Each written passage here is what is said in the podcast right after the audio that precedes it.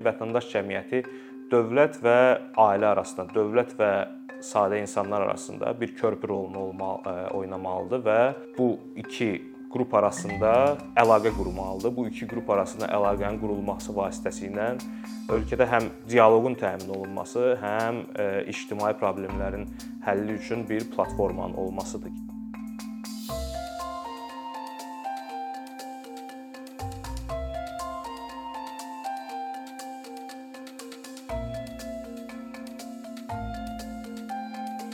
Bugünkü mövzumuz vətəndaş cəmiyyətidir. Vətəndaş cəmiyyəti tarixi kontekstdə nə deməkdir və indiki formada nəyi bildirir? Mənə elə gəlir ki, son vaxtlar dünyada baş verən proseslər, konkret olaraq regionumuzda, Gürcüstanda xarici agentlərlə bağlı qanunun qəbuluna bir cəhd olmuşdu və onunla bağlı çox ciddi ictimai etiraz doğuldu Gürcüstanda və bu yenidən vətəndaş cəmiyyəti nədir? Funksiyaları nədir? Mövzusuna bir diqqət yaratdı. Buna tarixi kontekstdən baxanda birinci antik dövrdə, antik Yunanıstanda və Romada vətəndaş cəmiyyəti anlayışı biraz fərqli bir şey bildirib. Bu o vaxt dövlətlə cəmiyyət arasında indiki qədər sərhəd yox idi. Yəni təxminən eyni şey kimi başa düşülürdü o dövlətlərdə və vətəndaş cəmiyyəti deyiləndə vətəndaşların bir yerdə qurduğu bir cəmiyyət, bir yerdə idarə elədiyi bir siyasi qurum, siyasi bir varlıq kimi anlaşılırdı. Romada isə bu o mənaya gəlməyə başladı ki, vətəndaş cəmiyyəti insanların, vətəndaşların bir-biri ilə siyasi problemləri, ictimai məsələləri mədəni şəkildə, sivil şəkildə müzakirə eləmək, konsensus tapmaq kimi anlayışlara gəlib çıxdı.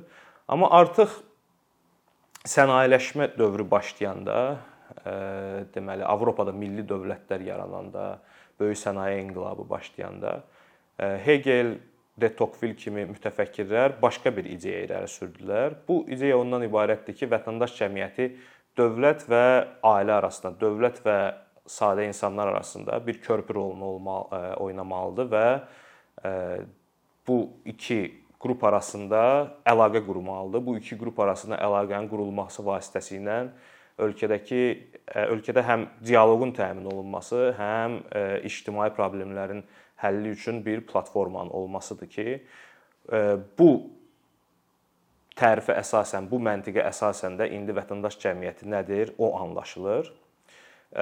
Son olaraq vətəndaş cəmiyyətini mənalandıran, bunu buna bir təzə tərif, definisiya gətirən proseslərdən biri deməli soyuq müharibə, SSR-nin məğlub olması bu soyuq müharibədə ona qədər Şərqi, Mərkəzi Avropada və Sovet İttifaqı daxilində müxtəlif dissident qrupların, müxtəlif etiraz qruplarının toparlanması və həmin ölkələrdə dəyişikliklərə gətirib çıxartması oldu ki, həmin qrupları, həmin bu dissident qrupları müxtəlif ölkələrdə yaranmış xalq hərəkatlarını vətəndaş cəmiyyəti qrupları kimi onları tanımağa başladıq. Qısaca vətəndaş cəmiyyətinin funksiyası nədir?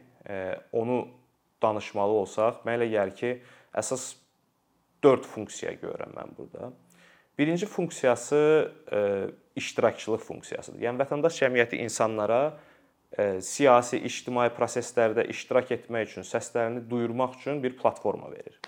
Bu platforma nədən ibarətdir? Məsələn, sən bir qrup olaraq, bir icma qrupu olaraq bir problem səni narahat eləyir və sən qrup olaraq toplaşıb həm deməli bu məsələyə diqqət cəlb eləmək, həm müxtəlif qrupları buna səfərbər eləmək yolları ilə və yaxud öz seçilmiş nümayəndələri ilə, deputatlarla danışmaq yolu ilə öz problemlərinin həllinə doğru fəaliyyətin aparılması kimi anlaşıla bilər. Yəni insanlar müxtəlif qurumlarda birləşirlər müxtəlif qeyri-hökumət təşkilatlarında, müxtəlif maraq qruplarında, müxtəlif icma qruplarında birləşib öz problemlərini həm elitanın diqqətinə çatdırmağa çalışırlar, həm də problemin həll olunmağına çalışırlar və bu da e, insanlarda həm də iştirakçılıq e, hissini gücləndirir. Çünki e, həqiqi güclü demokratiyalar, həqiqi güclü deməli demokratik rejimlər o halda yaşaya bilirlər ki, orada vətəndaşlar iştirak edirlər. Vətəndaşlar prosesin tərkib hissəsidirlər, vacib komponentidirlər. Və bu baxımdan vətəndaş cəmiyyəti insanlara iştirakçılıq eləmək, müxtəlif proseslərdə, ictimai, siyasi proseslərə öz töhfələrini vermək üçün, eyni zamanda öz narazılıqlarını bildirmək üçün bir kanal, bir platforma rolunu oynayır. Digər funksiyalarından biri xeyriyyəçilikdir. Bu xeyriyyəçilik funksiyasını Azərbaycanda da tez-tez görürük. Məsələn, ən sadə sosial şəbəkələrdə tez-tez çağırışlar görürük ki, hansısa bir vətəndaşa və yaxud uşağa onun deməli müalicə xərcləri ilə bağlı dəstək lazımdır, iyanələr lazımdır. O pulun toplanılması, bu təşəbbüsün başladılması vətəndaş cəmiyyəti fəaliyyətidir mahiyyəti etibarilə və konkret xeyriyyəçilik funksiyası olaraq başa düşmək lazımdır bunu. Bu funksiya bir çox hallarda tənqid olunur. O baxımdan tənqid olunur ki, xeyriyyəçilik cəmiyyətdəki problemlərin struktural həllinə gətirib çıxartmır məqsəd olaraq onu qoymur, ayrı-ayrılıqda problemləri həll eləyir və sanki cəmiyyətdə e, narazılığı azaltmaq üçün, e, hansısa kosmetik həllər tapmaq üçün e, bir vasitəyə çevrilir. Məsələn, vətəndaş cəmiyyəti mahiyyət etibarilə liberal bir konseptdir. Yəni liberalizmdən doğan bir nəsnədir. Məsələn, sol tərəfdən bunun əsas tənqidlərindən biri odur ki, vətəndaş cəmiyyəti mahiyyət etibarilə deməli hakim sinfin maraqlarını həyata keçirən başqa bir deməli qrupdur, başqa bir anlayışdır və yeganə məqsədi xırda problemləri həll edərək cəmiyyətdə narazılığı azaltmaqdır. Üçüncü funksiyası vətəndaş cəmiyyətinin burada mən kadr yetişdirmə olaraq görürəm.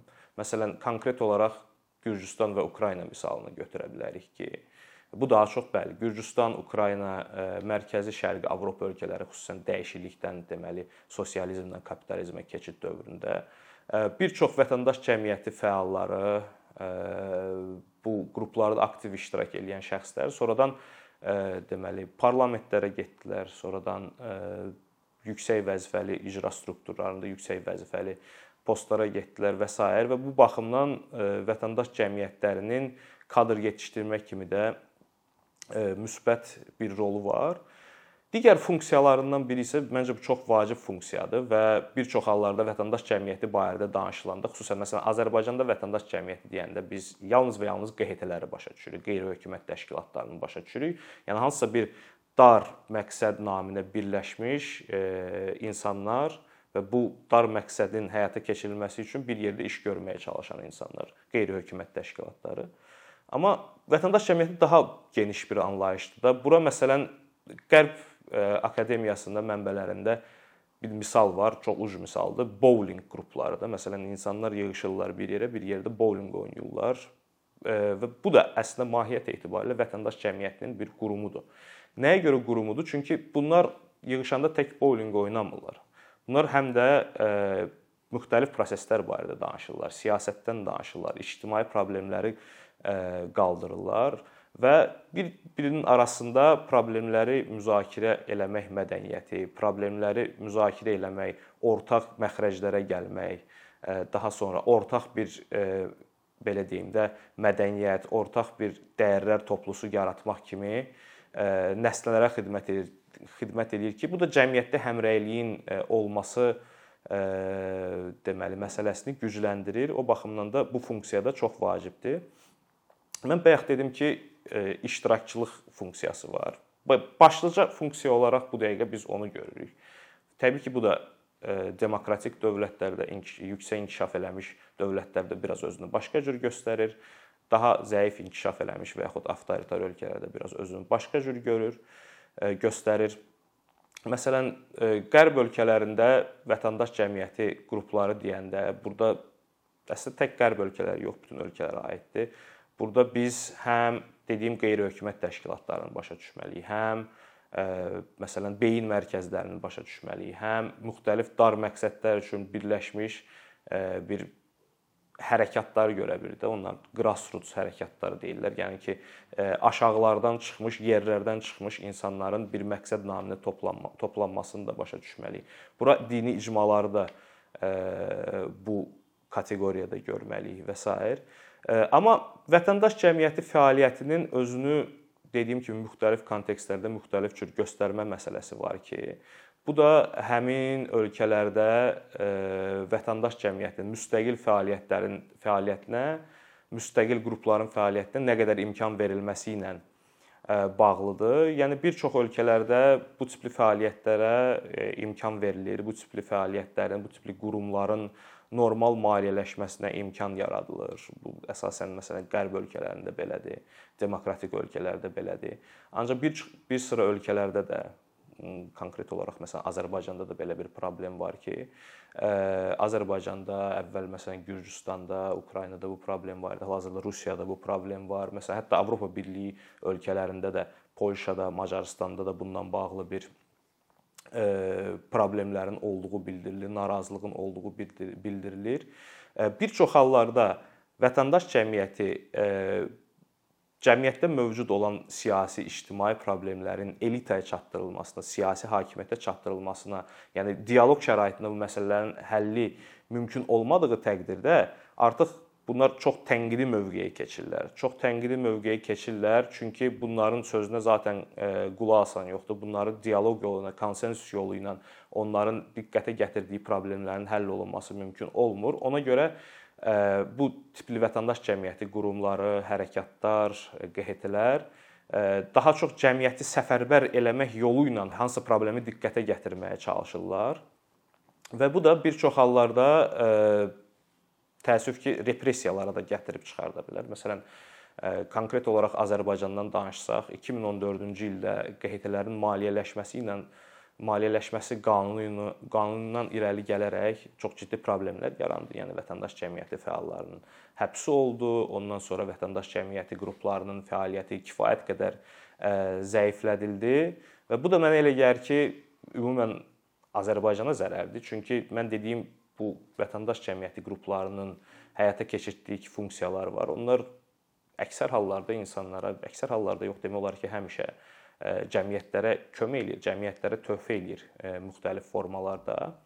Ancaq e, bunu deməklə bərabər qeyd eləmək lazımdır ki, vətəndaş cəmiyyəti konseptinə, xüsusən onun QHT komponentinə beynəlxalq akademiyada da, mənbələrdə də müəyyən bir tənqid var. Tənqidlərdən biri odur ki, Bu prinsip xüsusən qərb təşkilatlarından, qərb dövlətlərindən maliyyələşən qeyri-hökumət təşkilatları faktiki olaraq müstəqil qurum deyillər. Bunlar qərbin gündəminin, qərb dövlətlərinin ideologiyalarının həmin ölkələrə sırınması olaraq da görülür. Bununla bağlı məsələn tutaq ki, həmin o Gürcüstanı e, qeyd elədik ki, xarici agentlər haqqında qanunun qəbul olunması məsələsi gündəmdə idi. Rusiyada artıq bu qanun qəbul olunub. Mahiyyət etibarilə bu nədir? Yəni ki, sən tutaq ki, hər hansı bir qərb qurumundan pul alıb burada fəaliyyət keçirdirsənsə, sən xarici agentsən. Yəni ki, sən xarici e, dövlətin nümayəndəsisən burada. E, ancaq burada bir məsələni qeyd eləmək lazımdır da, yəni bunun mahiyyətində nə durur vətəndaş cəmiyyəti adlanan bir nəslənin? Yəni insanlar insanlar toplanmaq istəyirlər də. Binəyi qədimdən insanların istədiyi şey bir yerə, bir araya gəlib danışmaq, bir araya gəlib müzakirə eləmək, bir araya gəlib hansısa ən xırda problemdən tutmuş da, məsələn, bizim məhəllədə ə, uşaqlar çox keçir, amma işıqfor yoxdur, svetofor yoxdur.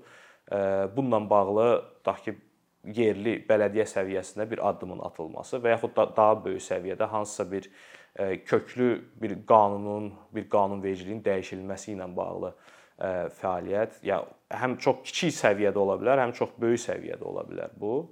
E, və yəni bunun mahiyyətində dediyim kimi insanların toplaşaraq öz dərdlərini, dərdlərinə çarə tapmaq istəyi durur və əgər əksər hallarda da bu Azərbaycanda və sair digər ölkələrdə təzyiqlərə məruz qalan qeyri-hökumət təşkilatlarının e, fəaliyyət göstərdiyi sahələr universal hüquqlar, universal e, dəyərlər kimi qəbul etdiyimiz nəsnələrdir.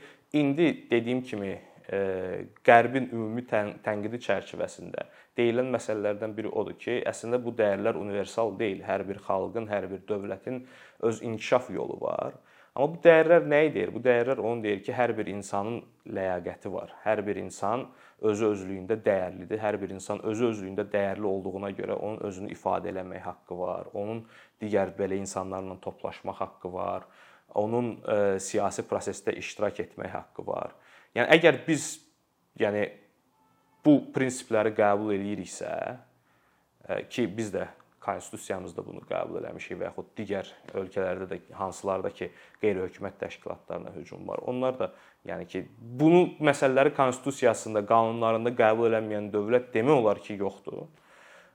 Əgər biz bunu qəbul ediriksə, onların da fəaliyyətinə əslində imkan yaradılmalıdır. Əgər həqiqətən, yəni dövlətlərin milli təhlükəsizlik kimi problemləri var və bu yəni ki, əsaslı bir faktordur dövlət siyasətinin həyata keçirilməsində və hər hansı bir xaricdən maliyyənin gəlməsi və bu milli təhlükəsizliyə problem yarada bilərsə, təhlükə törədə bilərsə, bu ayrıca götürülmüş bir iş kimi, ayrıca götürülmüş bir problem kimi həll eləmək lazımdır. Günahkar varsa cəzasını tapmalıdır. Ancaq burada situasiya elədir ki, müəyyən qruplar var ki, onlar fəaliyyət göstərmək istəyirlər və mütəmadi fəaliyyət göstərmək istənsə sənin maliyyən olmalıdır. Ya ölkədə elə bir şərait yaradılmalıdır ki, bu maliyyə ölkədə e, tapıla bilsin.